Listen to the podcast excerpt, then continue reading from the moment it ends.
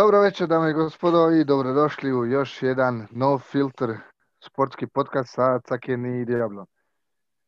E, želimo vam se svima zahvaliti na pozdravima, podršci upitima e, i da ponovim odmah znači u početku večerašnjeg podcasta, da su svi dobrodošli da nam se obrate, pitaju, možda postave neku svoju temu. E, rado bi li diskutirati o vašim nekim e, idejama, mišljenjima i tako dalje. Saki? Dobro večer svima. Hvala što, ste, što, ste, što nas gledate večeras opet i slušate. Imamo mnogo tema ja mislim da možemo otvoriti sa temom Miškovićom predsjednik, vlasnik Rijeke koji je bio nezadovoljan sa suđenjem u Hrvatskoj nogometnoj ligi, sigurno već dugo i nekako je preko svoje veze u HNS riješio stvari da cijela sudjetska komisija se promijeni. Kakav je tvoj komentar, Kristijana? E, sad ko jedan e, svaki hrvatski nogometni diplomat bi e, tu mogli pametovati i reći je, je li to potezom veza ili je li to namješteno ovako onako. Pustite gluposti E, prvo, znamo svi ko je Mišković. Čovjek je, znači, u Rijeci šta je i Mamić u ili tako? Možda čak i više. I onda imaš tu jednu glupost koju niko drugi u svijetu ne radi, nego, nego samo Hrvatska liga ima to, da komisiju sudaca odabiru e, određeni gradovi, klubovi e, koji šalju svoje kandidate. Gdje je to vidjeti? je to vidi da, da, da komisija uopće nije nezavisna ili tako nešto. Kužiš? U Hrvatskoj imaš e, pet gradova koji to biraju.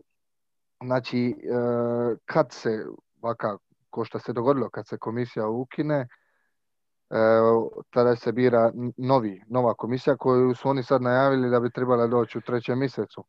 Od tih velikih gradova, znači to su Split, Rijeka, Zagreb, Osijek i Varaždin je tu peti grad koji ajmo biti iskreni, niđe veze da je završio tu, jel da? Damir Mišković, znači, e, e, oni kažu on je smijenio. Nije on smijenio, ali ono, čitaj, čitaj između redaka. Znači, e, njegova je bila, njegov je bio prijedlog o ukidanju komisije koju su podržali svi članovi izvršnog odbora. Izvršni odbor je to poslije potvrdio. Osim jednoga, Ante Vučemilović Šimunović, e, on je jedan od e, dopredsjednika, on je prvi dopredsjednik HNS-a i on je kao napustio sjednicu e, pod protestom. E sad, je li to ima jedan čovjek koji, koji bi možda to na pošten način odradio ili je to neki cirkus predstava napravljena za naroda, ne bi sad bilo, svi smo, jel? To bi sad trebalo diskutirati ili možda detaljnije istražiti.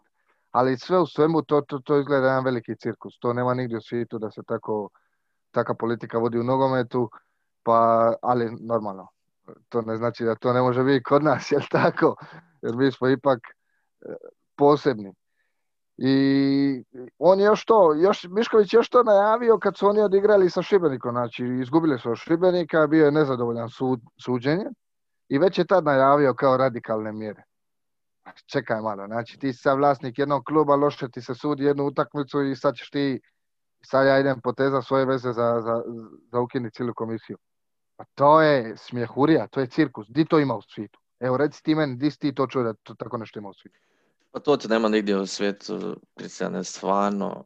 Ono što je absurdno je svemu ovo da je ovako jedan vlasnik kluba, mislim, prvi čovjek tog kluba Rijeke, da još ima mjesta u Savezu tako i da može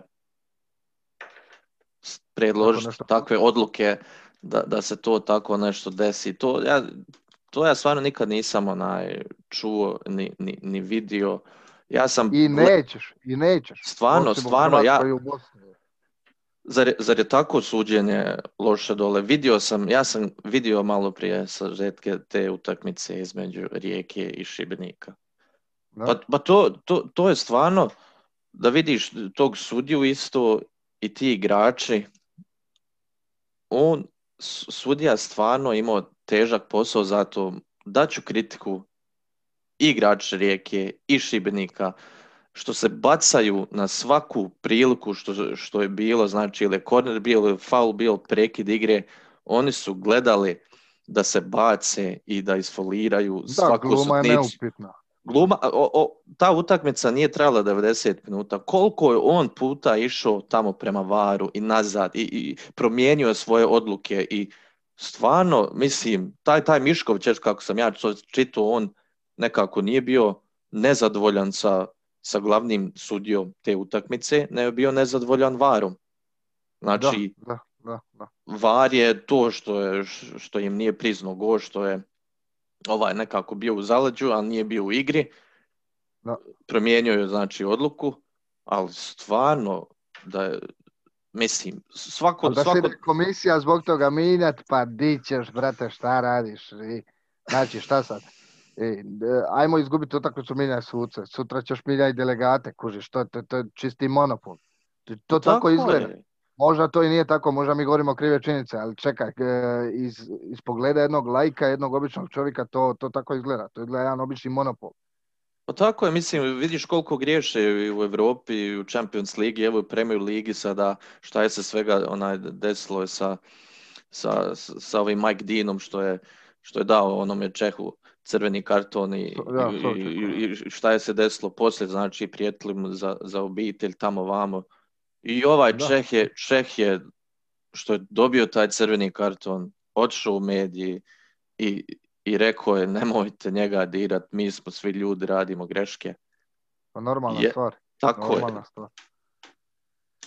Nema To je, to je, to je katas- katastrofa. E, I ono, na primjer, što je apsurdno, što meni e, na kraju izgleda najveća smjehurija te priče. Kada se glasalo za to da se ukine komisija, kada se sastavio izvršni odbor, dva najbitnija člana tog izvršnog odbora nisu bili tu. Predsjednik Davor Šuker, on je bio u Americi, on uopće nije bio na sjednici. Mhm. I naš još nije bio? Nije bio upravo Mišković. Znači upravo čovjek čiji prijedlog se iznosi za šta će se glasat, on nije na glasanju. On nije na sjednici izvršnog odbora.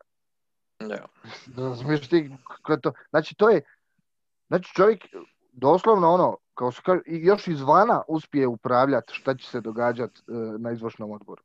Ne mora ni biti tamo da bi se njegova riječ provodila. E. Kužiš ti kako, koja je to smjehurija, kako to izgleda katastrofalno. Katastrofalno. Bože, sačuvaj, ne znam šta bi rekao. E, Pa, ne- se monop... sto- Reci, reci, Ma reci. nema što kažeš, to ovo nema nigdje u svijetu da je ovako. To, to ne možeš u nekoj normalnoj državi, ovo se, ovo se ne vidi. Ovo se ne može vidjeti što se dešava. To, to stvarno, ja, kad sam, smo pričali o tome, to ne možeš vjerovati, stvarno. Pa šta ti misliš šta će se sad dogoditi e, sa novim su, sudač, sudačkom komisijom, sa novim sucima, ajmo reći, nek se sve izmiri. Pa znači, ovi prije tebe su dobili otkaz zato su loše e, sudili pojedinim klubovima. Šta tebi to govori? Pa tebi to upravo govori sudi tim klubovima kako se kaže, inače ćeš E. i ti dobiti otkaz. Kužiš? Je. Pa viš da su ove smijenili zato jer e, neki privatnik nije bio zadovoljan suđenjem svome klubu. Mislim, to doslovno Ja. tako izgleda. To, to, Ja, to ja, je pa to je cirkus na cirkusima. To samo ima kod nas. To ja nigdje u životu nisam čuo koliko god da pratimo taj sport. Sve žive lige, to nigdje nešto tako slučajno nisam čuo. Ništa. Nigdje. To je, ne, nemam komentara, nemam komentara. Ali eto, kad smo kod Hrvatske lige, a, upravo e, momčad gospodina Mikškovića je odigrala kod kuće protiv moje momčadi, Je. našega dragoga Lipoga Hajduka. I onda Mijo Caktaš, čovjek koji prosjedio na klupi dobre tri četvrtine utakmice, na, na, na, na aparatima je više od napada, sa svih strana ga ljudi napadaju. To zbog promašenih penala, te zbog neangažiranosti. I onda dovede dovede e, e, Hajduka do pobjede u 94. minuti i sad gledaš komentare. Ljudi pišu spasitelj. Ja sam pročitao spasitelj, majke mi moje, spasitelj. Jučer ga je gadio i viće, pojma nema, mrš iz kluba, ovo danas zabio gol i sad, ok, vridan gol. Sad je on spasitelj, aj mi objasni taj mentalitet toga naroda i toga, ti, dobra, ne kažem da su svi navijači taki, nisu svi, Ne. ali objasni ti meni sad psihu toga navijača. Aj, molim. A to ti je kad, kad te ufati ta euforija i kad, kad pobjediš, kad dobiješ rezultat, kad, kad, kad igraš ono... A mislim, ja sam čitao za tu utakmicu da, da nije bila neka utakmica za, za gledat, ali Nije, nije, Ali- nije bilo. mislim sada tebe i svi ostali Hajdukovi navijači, to sigurno možda nije ni briga, ali taj caktaš, prošao sam malo o njemu sada, on je znači tri utakmice zaredom sjedi na klupi i ulazi. Da. To je, kako sam ja razumio, još nije potpisao novi ugovor. Jel tako? Da, da, ima tu I- malo drugih problema, da. Ja. I, i mislim, sad me zanima, sigurno ćeš i ti se složiti sa mnom da je to najbolji igrač Hajduka, sa, o, mislim, ove sezone i možda čak i prijašnjih sezona. Pa nema možda, nego eto, prošle godine je zabio e, 20 nešto golova, čovjek je do, do duše, koliko god ono da je momčad bila katastrofalna, loša, jedino si njega moga izdvojiti. Ajde, taj je ono, nije, aj nešto je napravio, da je on puno golova, puno je to golova za Hrvatsku ligu, sve da je Eduardo da koliko, 32, 33 gola, nije ovo puno manje, pričamo o 4, 5, 6 golova, kužiš. Tako da on je po meni najbolje odigra prošlu sezonu i po meni osobno je trenutno kakav god sastav da je uh, uz Žajira najbolji igrač Hajduka. Dobro. Ali, ovaj, ali zato nisam nikad u životu rekao, e, mislim, nikad u životu, e, nisam rekao ono prema mi Caktašu osobno, eto prošlu godinu koliko god, pa ti, ti vidiš koliko narod pljuje. To ti ono, kako se struja okriče. Čas ga vole, čas ga mrze, ali meni, nisu, meni ne idu u glavi takvi navijači. To ono kao kad gledaš reprezentaciju, ko što je tipično za nas, gledaš reprezentaciju ili turnir je u pitanju. I sad kroz turnir, kroz skupinu pobjeđuju sve super, ideš četvrtfinale, polufinale, izgubiš u finalu i to se gadi na sve strane. Pa čekaj malo. Znači ti si u finalu, ti si e, među dvije najbolje momčadi na turniru, ali mi smo taki, izgubiš tu jednu utakmicu, svi ti zaborave ono dobro što si napravio. Kužiš? Tako je. Zato mi je bilo ono malo sa Caktašom, čovjek je promašio dva, tri penala. Nije samo što je on njih promašio, nego što ti vidiš kako se on postavlja kao on to puca, što ti vidiš da tu nema želje, da tu nema ambicije, znači nešto je sa tim dečkom, s se treba po, porazgovarati, ali to, pa, pa evo ga ti, postoje ljudi u klubu koji se bave s tim stvarima. Znači posao se ne odrađiva od malih e, pozicija. Pa valjda oni vide na treningu da on nema volje igrati, valjda oni vide na treningu da je on e, pa svidio nos u, dole u poduci ili utakmici. Je. Ali šta, ka, koji su problemi to, mislim, š- šta se Pa zna? mislim koji su problemi, to, to, to se gonja kao sa svakim e, igračem Hajduka. Čovjek hoće e, prvo, ajde sad kad je korona išla, vidiš da su svi živi e, srizali plaće igračima. Kužiš. Te smanjivali se plaće, te ovo, te ono, neki su prihvaćali, neki nisu, pa čovjek sigurno e, hoće i, i, i transfer. I nezadovoljstvo, mislim, kad ti igraš kad ti igraš u sredini gdje vidiš da, da, da ima, imaš puno podrške, ali znaš kakvi smo mi ljudi. Tebi da sto ljudi kaže da si bio dobar, a jedan da ti kaže da si bio katastrofa, ti ćeš razmišljati o tome jednome Da. idiotu što ti je rekao da si bio katastrofa, nego od onih sto što ste rekli da si bio dobar, kužiš. I onda to sve utječe na psiho igrača, vjerojatno i on se više zasjetio koliko god, eto što, s- što smo sad upravo rekli. Čovjek prošlu godinu, znači jedini koji je nešto. I opet ga se gadi, kužiš. A šta hoćeš više? Šta hoćeš da igram za 11? Ali do duše nije on tako dobar ove godine da on to može reći ovu godinu. Ali prošle Je, godine je to moga reći. Ali Vjerojatno kakav- se tu nakupilo i frustracije i ovo i ono, znaš. I vidio si, vidio si da on jednostavno igra bez, bez žara, igra bez volje. Ali nije samo on, igra tako cijela momčad. Meni se, naprijed, meni se svidio u zadnje dvije, tri utakmice, koliko god ono, negdje su bili dobri rezultati, negdje nisu. Meni se svidio Todorović. Onaj dečko trči ko Dani Alves čovječe, gori doli, gori doli, onaj nestaje. Kužiš, naprijed, po ambiciji mi je on trenutno najjači tu. po, po, Pa je, on je veliki, veliki borac je. i- borac je, vidiš, ja. vidiš da je ono, on me, on me impresionira s tim. Mm. Ali vidiš da tu vlada loša atmosfera. Ajde sad ovaj trener, vidiš malo ono, ali to je uvijek kad- se promijeni trener. To je uvijek u početku. Ono, uvijek to nešto valja, dvije, tri utakmice dobro, tako da je rano sudit. E, Je li njih tr- trgnio on ili ih je trgnilo ono normalno što se dogodi prve dvije, tri utakmice kad se promijeni trener. Uvijek ti, u početku ti novi trener uvijek paše. Ja. Kužiš, uvijek je sve to divno, krasno. Ali poslije, ne onda nastupaju stvari. Možda, možda ni tu nije zadovoljan. Pa vidiš opet da je na klupi. Kužiš. Ima tu sigurno interni stvari koje, za koje mi ne znamo. Možda i, bože moj, pa ni ne paše ti odnos. Evo, dani po sebi dođeš u neki tim igrat, ono vidiš jednostavno odmah u početku da nisi steka neki odnos, neko puno ono, neku povezanost sa drugim igračima i odmah si ti odmah ti je drugačije. A dok ti dođeš u neku momčad gdje si ti naša dvojicu, trojicu, da ono, da postanete prijatelji, ko neka ono grupa podrška, to je puno lakše onda puno lakše je tu i napredovati i, i istakniti se i pokazati šta znaš.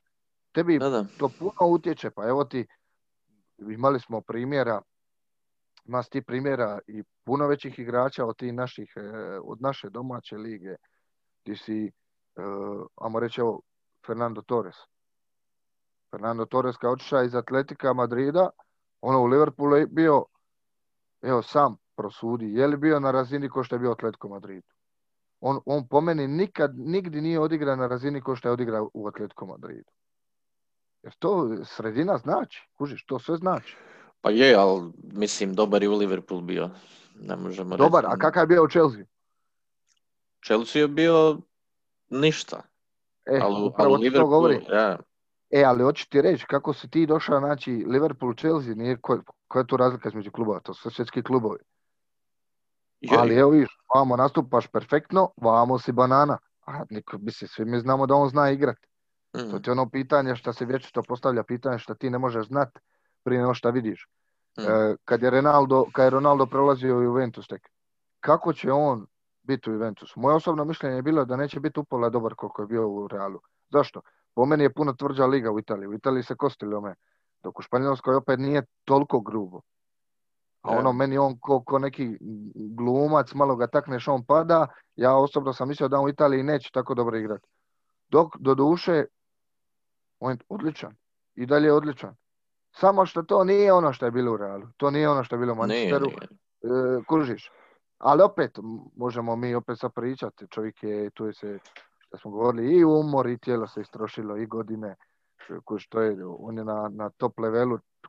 Znači, baš na vrhu svita koliko već godina uzastopno. To sve zahtjeva i to sve troši. Kužiš. A, naravno, Tako, naravno. ono, e, što ja, ono, zamisli, na primjer, evo, pitanje, u kojem klubu, evo, pitanje za sve, svi koji nas prate, i za tebe, i za mene, u kojem klubu bi ti, po tvom mišljenju, Messi bi uspio, a u kojem ne bi? Sigurno da se može naći klubova gdje Messi jednostavno njegova igra ne paše.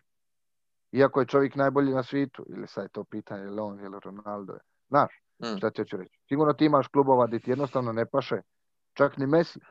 Iako malo ih je, ali sigurno bi se naša i trener i taktika di, di, di, di takva igra i ne paše. I onda ti je to, to ti je jednostavno pitanje zašto, zašto neko nije prišao negdje. A zato jer ne bi to bilo to. Neko igra ovaki stil igre, neko igra napadački, neko obrambeni, neko više na krila, neko više kroz sredinu. Barcelona igra e, sa Čavijem i sa Iniestom puno kombinacija u sredini, postala perfektno Messi. Kužiš. je. Ali Mesiju ne paše ako se ide preko krila jer on nije tamo, on je u sredini negdje. Kužiš, iako je on igrač bez, bez pozicije. Ali di, di, kad si ti vidio zadnji put Mesija da je on preko krila probio i šutnio loptu unutra? To njemu ne paše. I- on osobno nije igrač koji će čekati, koji će čekat loptu koja je poslana sa krila. Nego je on igrač koji dobije loptu tu negdje blizu krila i onda probija kroz sredinu. Razumiješ šta ti hoću reći? Neće Messi čekati u 16 metara loptu da mu neko nabaci. Možeš ono, završni dupli pas, pa će on završiti, ali da će on čekati da neko nabaci loptu, možeš misliti. Tako neke stvari. Tako? Ali, ovaj, ali hvala Bogu e, da se vratimo na mog Hajduk, e, Evo. napokon e, tri, napokon tri boda, napokon neka pobjeda koja može da je, da je pobjeda. Iako je loša utakmica bila već, aj vidim tu po udarcima, po statistici, ono, e, jedan dio utakmice sam čak i uspio pogledat, ali onda poslije je bilo nešto E, problema malo sa streamom, ali nije to bila sad neka utakmica bogata šutovima. Bilo je četiri, četiri pokušaja s obe strane. Četiri šuta na gol s obe strane. Taj, eto, zadnji Caktašov je ušao, hvala Bogu, hvala ti na tome. Da više, Pa dobro, da tri se dobije boda. malo samopouzdanja, da se dobije, da se trgnu malo. Jer Mm. to je trenutno, baš se moraju trgnuti. Moraju se trgnuti, trgnuti i ovo im samo može pomoći. Ova Da, tri da. boda sigurno ih treba pogurati. Imam, čitao sam nešto interesantno jutros u tim po internetu ovim e, portalima i htio sam nešto onaj, da te pitam, moram ovo pročitati, citirat e, u vezi Hajduka i novog e, trenera. E, Index.hr su neku anal, naprav neku analizu trenera i Hajduk, kako Joj, tu kad čujem da je analiza sa indeks HR-a, odma, odma mi je... Ali evo, evo, poslušaj, znači piše ovdje Hajduk je protiv Šibenika i Osijeka djelovao kao momčad iz donjeg doma serije A koja je zadovoljna bodom i zna kako efikasno zatvoriti suparnika. Protiv Rijeke je izgledala kao momčad iz donjeg doma serije C koja ne želi i ne zna napasti suparnika te jedva čeka posljednji zvižduk kako bi pobjegla sa nulom sa, na semaforu. Kakav je taj komentar? Evo ovako, evo ovako. Znači, e, ne, ne kažem da, da je tu puno toga krivo rečeno. E, ima tu dosta dobre istine. Ali ti koji jedan novinar e, Indeks HR-a, ti ćeš ići nekome predava nogomet. Da, ajde, molim te. E, Ako je tamo ima novinara, e onda... Pa ne, znam, evo, ne znam, evo, ne pa znam evo, što bi ti mislim da te- da- ga pošaljem u tri mile. Razumijem da ledu, mislim, kako, je, kako se tu priča po ovim, po ovim portalima, Pa, Ima tu, pa ima tu dosta istine. To e, vidiš da igra neka, e, neki autobus i čekanje neki polukontrin, e, ali nije meni to tako loše izgledalo protiv, naprijed protiv Dinama. Bilo je tu nekih paseva i bilo je tu kombinacija i pokušaja. Nisu uspjevali, ali vidiš da je bilo ideja. A, ovaj, a, protiv, a protiv Rijeke, mislim, i, i jedan dio sam dobro pogleda i jedan dio sam čuo i, i po, po ostalima, bilo je to dosta, dosta obrane i nije to bilo nikakve, e, nikakve ideje, ništa. Tako da je to ono, možeš reći malo sriće se, nije malo, puno sriće se dogodilo da se uzmu tri boda u gostima, ali ali šta eto, da ti kažem, taj komentar sam po sebi je komentar jednoga idiota. ali do- dobro, možda, mislim, ali kako komentar je to, nekako mi zvuči da je Hajduk dosta defanzivan, ali samo da te pitao, mislim, kako, Pa kako neće biti defanzivan kao ofanzivno, ne znaju ništa.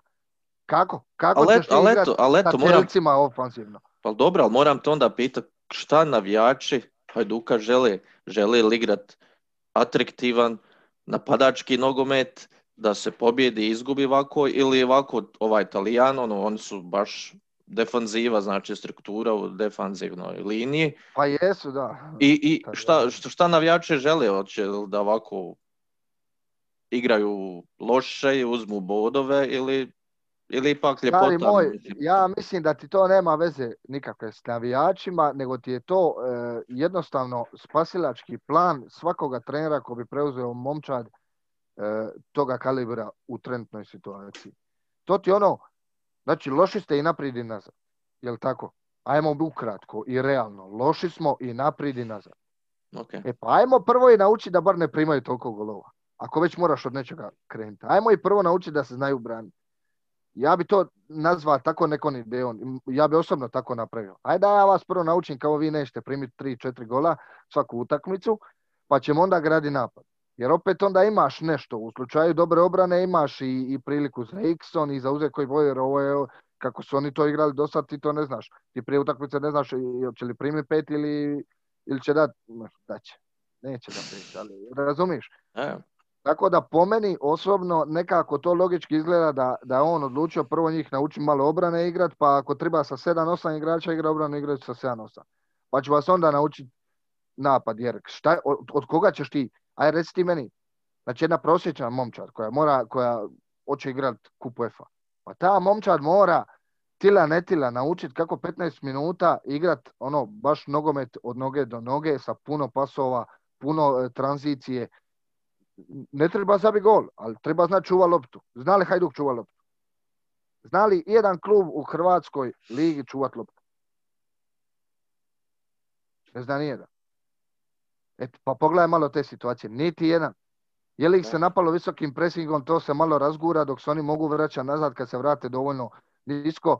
To je samo na pamet izbijanje. Tu nema da prilaze vezni igrači, da, da prate, da prilaze doli, da se to odigra par kombinacija i da to kombinacijom i pasevima izvučeš se te situacije i okreneš iz obrane u napad.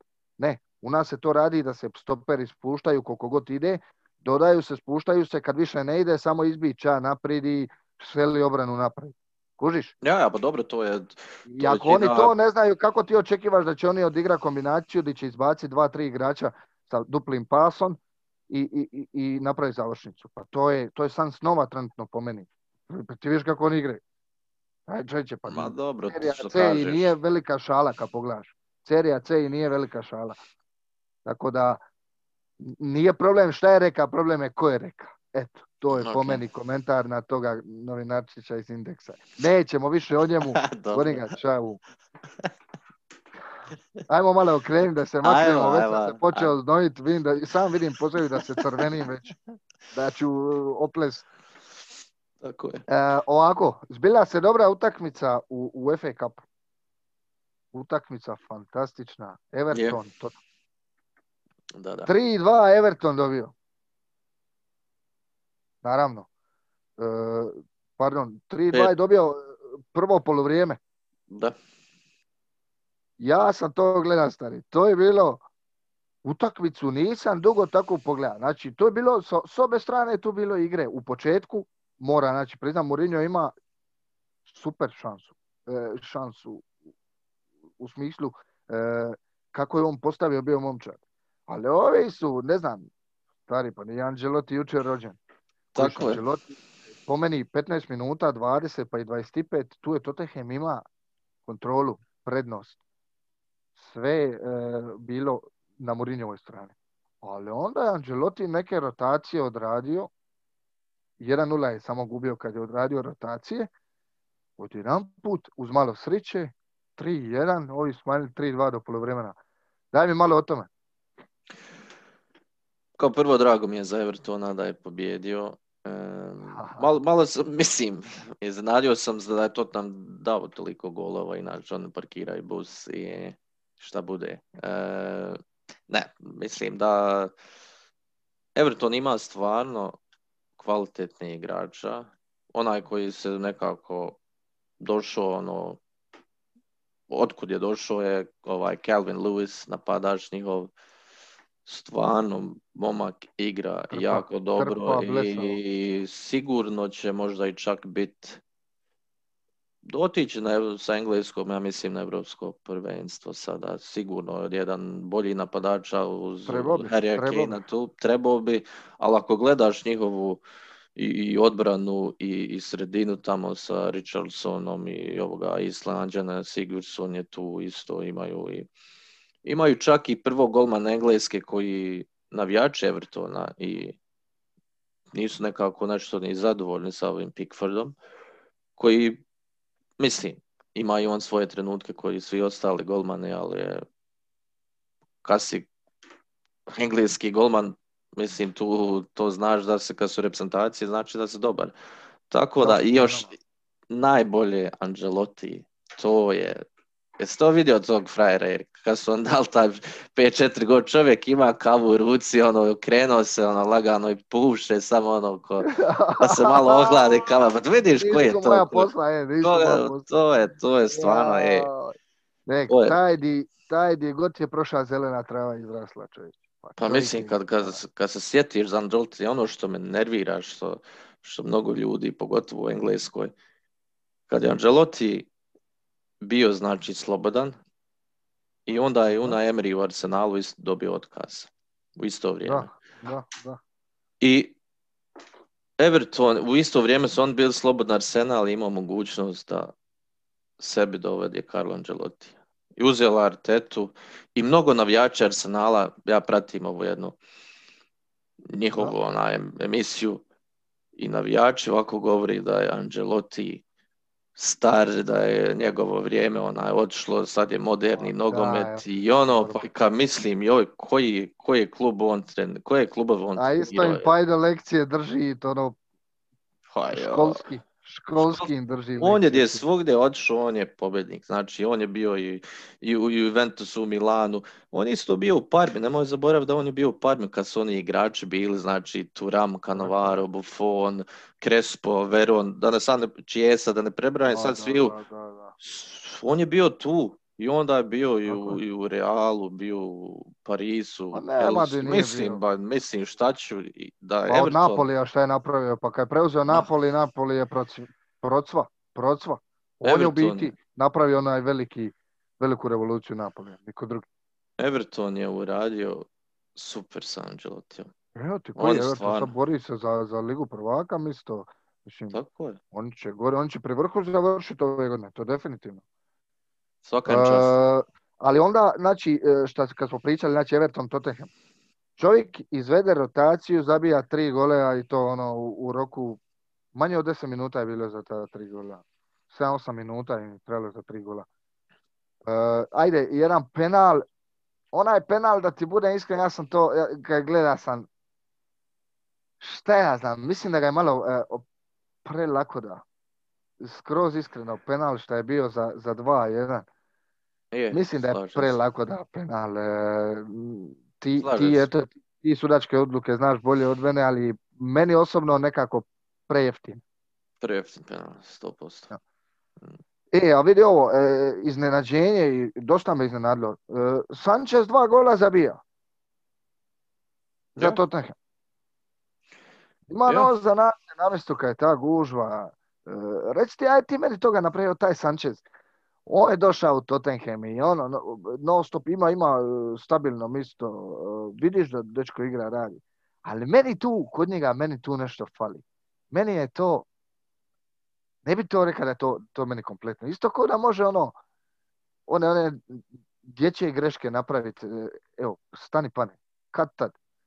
Nije mi, nije mi, meni osobno nije neki, ne uliva me neko pouzdanje da ti, na primjer, iza kažeš imamo Sančeza, nema problema.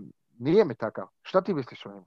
Pa mislim da, mislim, nije on to top klasa sada, ono, uradit će ti on posao, bit će neke utakmice stabilan, neke utakmice neće ti biti stabilan.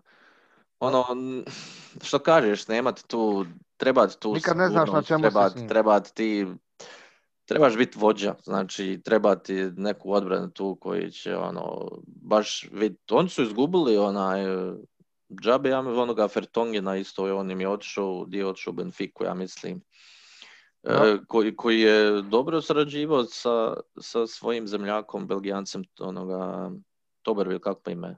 A, Otherwilder. ja, Alderweireld, tako je. Tako da, ono, mislim, Tottenham ima solidnu odbranu, ne primaju toliko puno. Iznenadilo me da je Everton dao pet golova njima, inače oni ono su baš... Treći put u karijeri Murinja da prima pet golova.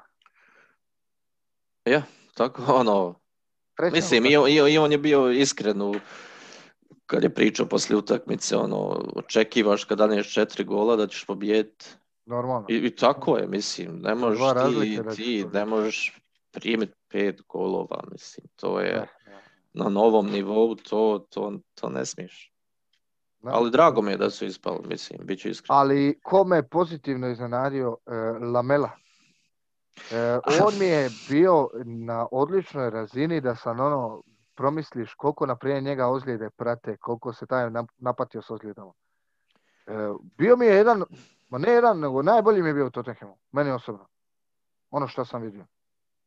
Pa dobro, i to ti je taj igrač ovako, i njemu nikad ne znaš. On je, on je kad je došao iz Rome, on je u Romi koliko je bio, ne znam, nija godinu, dvije možda, bio jako dobar igrač za njih. Prešao je u Tottenham.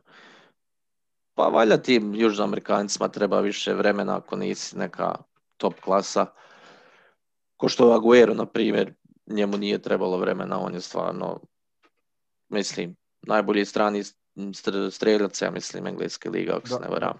Tako da, onaj, e, ne znam, za Lamelu on mi je ono, jedne godine, dvije godine zaredom jako slabo, onda jedne godine nekako, ko da se ono rodio ponove, opet je nekako zaigrao ono što zna. Ima on kvalitetu, ima... Ima, ima, ali mislim da njega definitivno ozljede sprečavaju u, u, u da, da, bi pokazao u biti koliko nema kontinuiteta. Pa nema, pa ne igra ono, nije igrao ne može, puno. Dobro, tu, tu je bila opasna utakmica. To čestitamo Ancelotiju, što ste rekao, drago mi je da su ispali. E, meni ne zbog Murinja, ne, nego eto, Everton, Tottenham, ja i dalje gledam e, e, Tottenham kao favorita. A kad nisu moji klubovi, onda uvijek kontra favorita, pa znaš kako to ide. Tako je. Ali, e, sad ću se malo okrenuti na Španjolce. Ivan da, Rakitić. Ja. Čeka, znači, čeka prva utakmica, e, dvije utakmice se igraju. Kup e, kralja. E, prva utakmica kući u Sevilji čeka Barcelonu. Čovjek, znači, za mjesec dana puni 33 godine. Zamijenilo ga u Barceloni sa mlađom snagom, šta je normalna stvar, ali po meni je Barcelona malo malo pederski odigrala to prema njemu e, pri kraju karijere. Nisu mi bili baš e, fair korektni. E,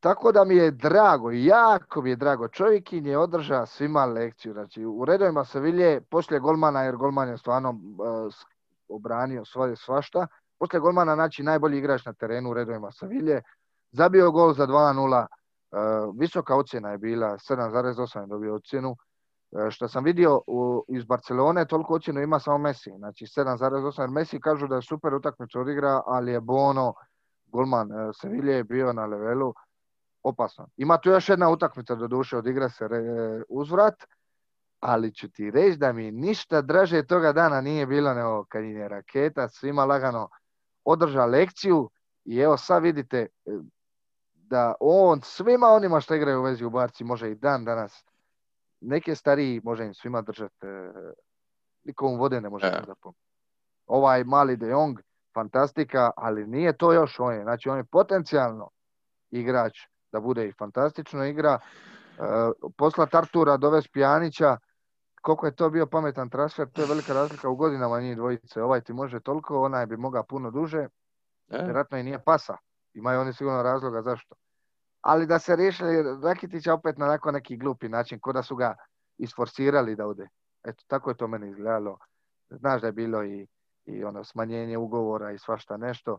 Doduše on, otvoreno je on priča da kad bi se vratio, e, da, da, da, je to Sevilja, znači da on želi karijeru završiti u Sevilji i on tu se mm. osjeća doma, ali isto je Barca malo to nekako šupački odradila prema njemu. Ja, Sad Pa mislim, to što sve rekao da to je sto Jako mi je drago zbog Rakića da je, da, da, je zabio Barci i bilo je stvarno nekorektno ponašanje sa strane Barcelone kako je ovo sve prošlo. Znači, trebaš se tom čovjeku zahvaliti. Nije lako doći u sredinu, tamo gdje je, gdje je Messi, ne samo glavni, nego on će, znači sve uzma i faulove, i kornere, i slobodna udarac, i penale, i sve, sve, se radi o njemu.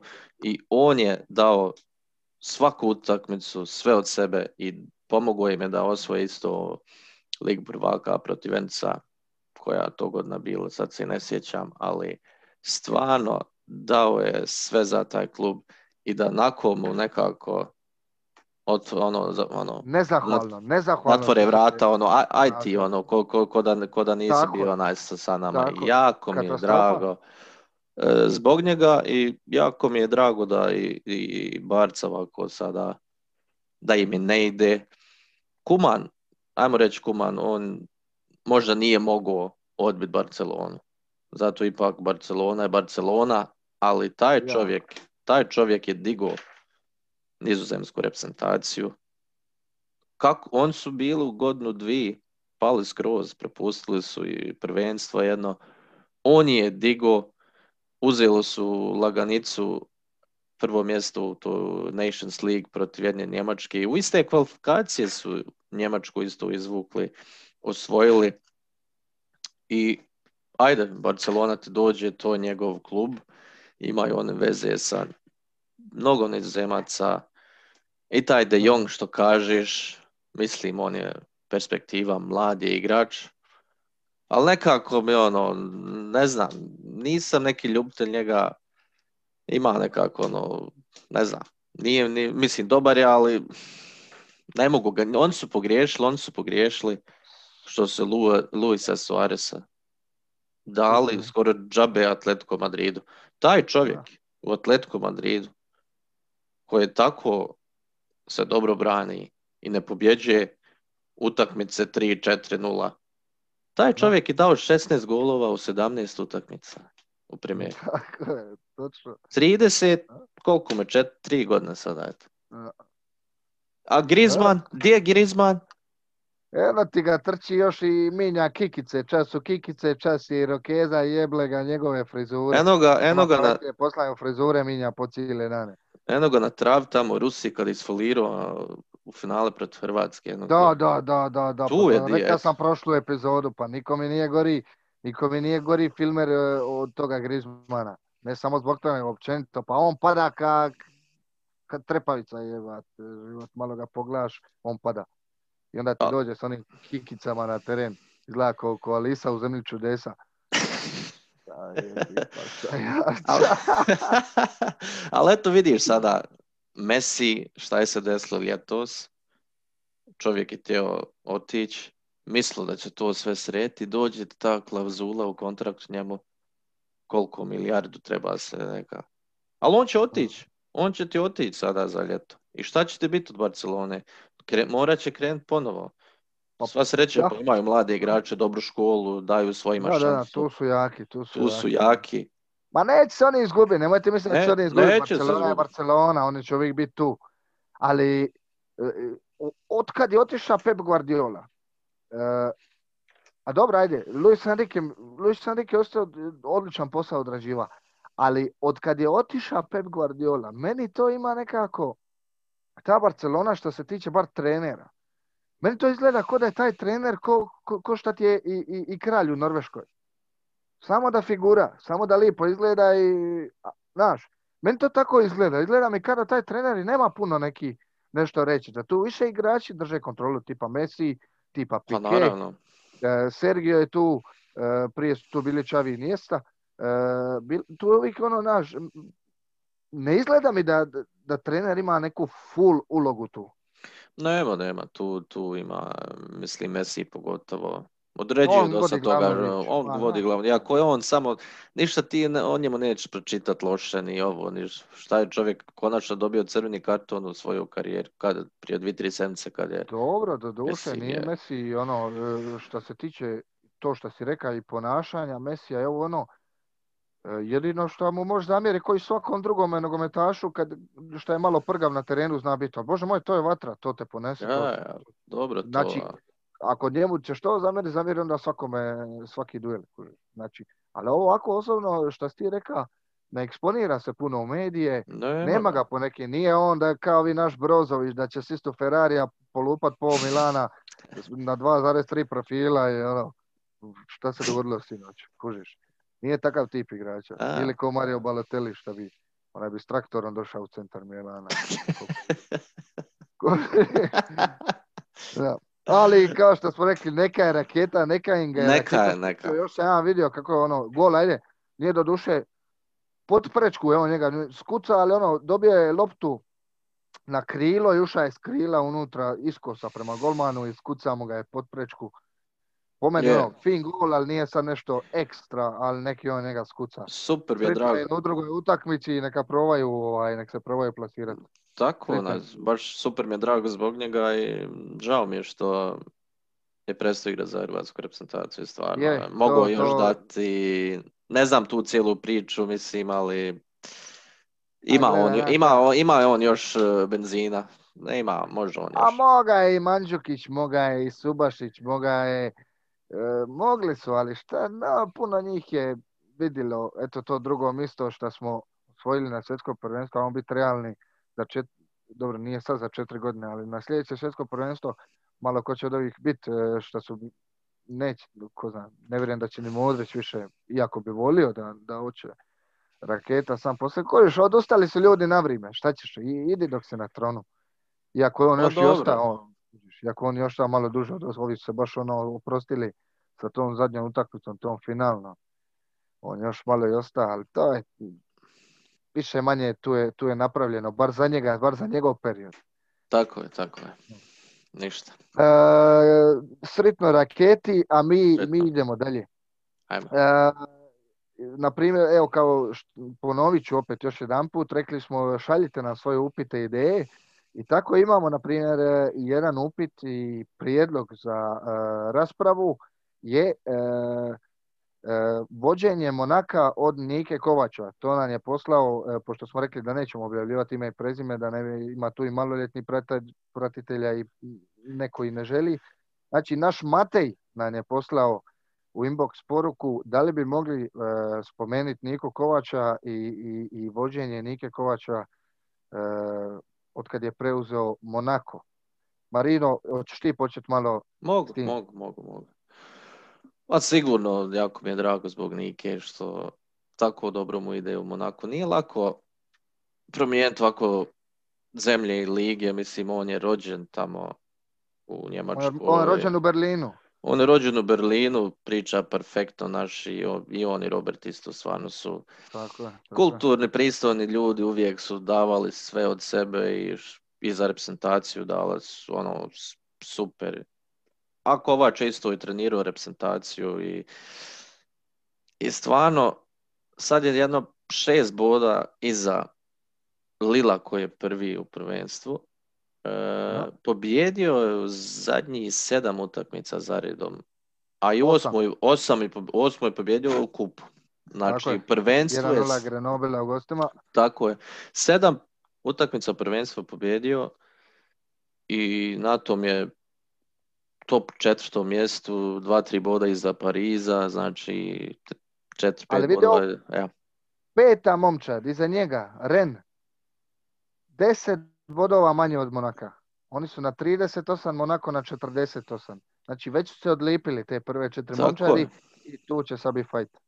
Tako, ne moramo, ne moramo zaboraviti da je Monako u zadnjim godinama i prošle godine čak borio se za opstanak, jel tako, ako se ne varam. Tako je. Nije, nije bio onaj u vrhu, ono, imali su, ono, Je, oni imali su uvijek, oni su uvijek imali e, uz tradiciju jako dobri igrači, sad nećemo i onaj sad govoriti, ali imali su oni jako dobre one godine kad su sa Mbappe i, i ono, trebalo su igrati Da, finale dobro. u Liga prvaka, jel tako? Tako je, tako je, tako je. Tako da ovaj oni sad je tu Fabregas Fabregasa je u, doveo. u Fabregasa je Monaku doveo. i i, i je- Aleksandar Golovin u špici, Kevin Voland ima tu. tako je. I Robert Kovač mu je pomoćni trener i on se brine u obrani. Znači, I moj brat također, rekli bi. I moj brat također. Tako, mislim, sve pohvale Nike Kovača. Žao mi je što, što nije imao više vremena i u Bajarinu, ali najviše mi je žao zbog hrvatske reprezentacije. On je baš ono bio... A mislim, čovjek neće ni, ni, ni zajebavati tamo s tim ljudima. On, mislim, on je odrastao van, zna kako to ide. Je, neće se on- je, je. nekako su ga izbacili iz, ono, bez veze iz reprezentacije. Jako mi je žao. Zbog Pa to toga. je e, po meni bio neki bojkot. O, o tom ćemo drugi E. put. Da. Ono šta, e, šta Niko, na primjer, e, e, omjeri sa, sa top momčadi Nikine. E, jako, jako dobre omjer ima. Niko je pobjedio Pariza kod kuće 3-2. Da, da. Niko je izgubio je od Lila u gostima 2-1. Međutim, e, dogodio mu se jedan potop gdje je e, od Liona, Lion je ta druga momčad, tu se dogodio potop, 4-1 su izgubili u gostima od Liona, ali 4-0 je bilo već do, do poluvremena. Znači, totalni raspad sistema, poslije e, Wilson Benjeder iz Sevilje, šta je onaj napadač, on mu igra, on je smanjio iz penala do duše za 4-1. Tu su bili, tu su bili na tu im se dogodio potop, ali od ovih ostali ono poraza, nisu to neki porazi. Eto, od Lila u gostima 2-1. Lil je u zadnje dvije, tri godine pod, pokraj Pariza najbolja momčad eh, Francuske. Pariza je dobio, Pariz je imao je sa Parizom dobar okršaj. Mbappe zabio dva gola, Volan zabio dva gola, e, s tim da je još e, Dijalo u Parizu dobio crveni karton, ali dobro, karton je, e, karton je dobio baš za taj treći gol koji su je bio napravio penal, dobio je crveni karton i onda je pravo Cesk Fabregas zabio za 3-2.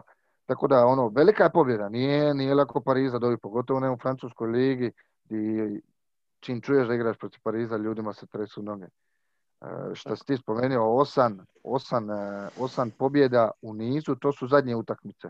Da. Ali sad slušaj ovo, šta sam, malo, malo sam išao vidjeti kako je Niko to posložio.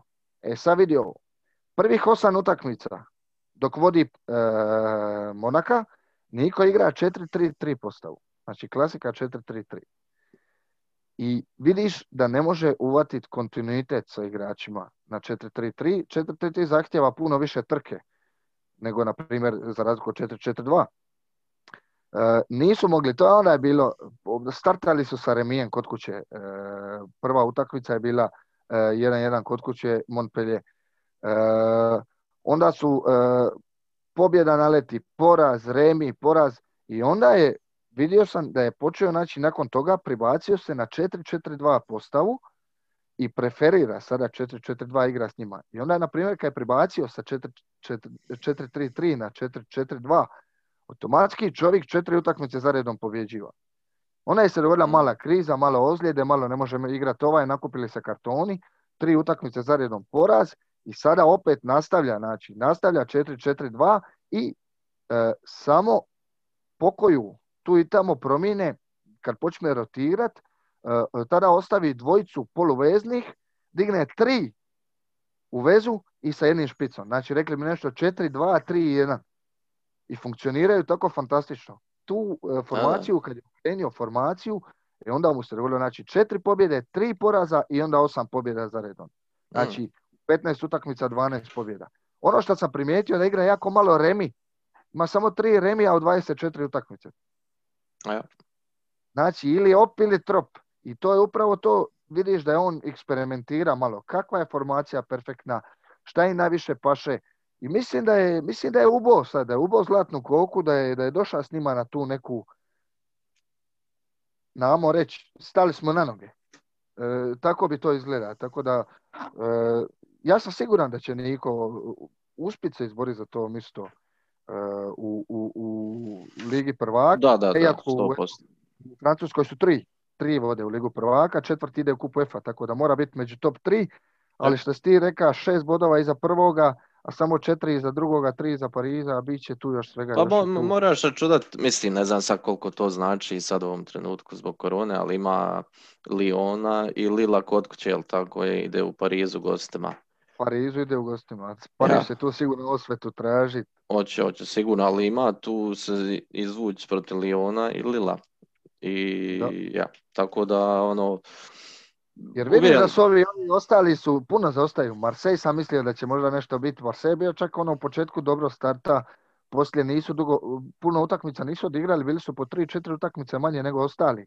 Da, da. Ali kad su oni odigrali te utakmice, to je sve redom bilo banana. Mm. To su pogubili su tu. Ništa bodova nisu. Ja mislim u četiri, u četiri zaostale utakmice su uvatili jedan bod, bili, bili tri pored. Tako da Marseille već otpa, već oni se ne mogu... Saint-Étienne loše, loše kod njih. Bordeaux loš, dobro, Bordeaux je do duše već godinama, ne može ga naći pri vrhu. Da, i to tradicionalni klub, mislim. Ali šta mi se sviđa? Sviđa mi se što je Francuska liga ponovo postala zanimljiva. Pa ti ima si dosta godina samo Paris, Paris, Paris. Vidiš sada da se trse ostali, da, da ima tu još borbe. Lil vodi, Lil je prošle godine isto ono, uh, fantastika sezonu odigra. Tako da vidiš da se vraća malo više više fajta u tu francusku ligu. Pa, znaš da ono u početku u prvi deset utakmica ode Pariz na 15 A 15 bodova prednosti šta će? Ma i onda ne pratiš. Pa nema, nema smisla. Da. Tako da e, mi se nadamo da smo Mateju malo to e, saželi, objasnili, hvala ti na upitu i Hvala. e, nadamo se da će se javiti opet.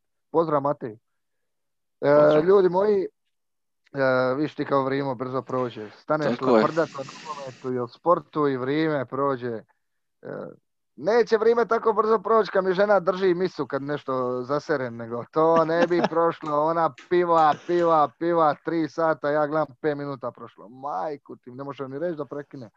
Nije se još. A, ovako, evo, jesi z. Ura vremena nismo se ni okrenuli. E, je. ja ću se prvi zahvaliti svima na, na, na podršci. E, lipo ste nas iznenadili kako smo dobili fine podrške od vas, e, fine poruke. Javljajte nam se i dalje. Htjeli bi da se malo još više uključite sa temama, sa idejama i, i sa laprdanjem, hvala Bogu. E, Svi ste dobrodošli, hvala vam lipa za danas. Marino, hoćeš nas ti odjaviti? Hoću. Stvarno hvala svima na svemu. Dobili smo i poruke, telefone sa, sa, kraju, sa svakog kraja svijeta, tako da, da nam je, jako nam puno znači vaša podrška i drago nam je da vam je interesantno što imamo priča, to, to mi volimo i ja, tako da nastavljajte naravno nas pitat pitanja, neke želje, teme što želite, pratite nas na, na socijalnim medijama, Mm, sutra će se isto napraviti Facebook stranica i Znači Facebook, Twitter, Instagram, Spotify, svuda nas ima. Ne svuda nas ima na YouTube isto, tako da ja, ko voli slušat može se naći na Spotify, ko nas voli ovako i slušati i gledat može se naći na YouTube. Tako da, ja, I, I onome novinaru Indeks HR-a, e, javi nam se da mi malo prodiskutiramo kako bi ti Hajduka u C seriju. Sunce ti tvoje. Hvala vam lijepa ljudi. Hvala puno. mi čujemo se. živjeli, čao.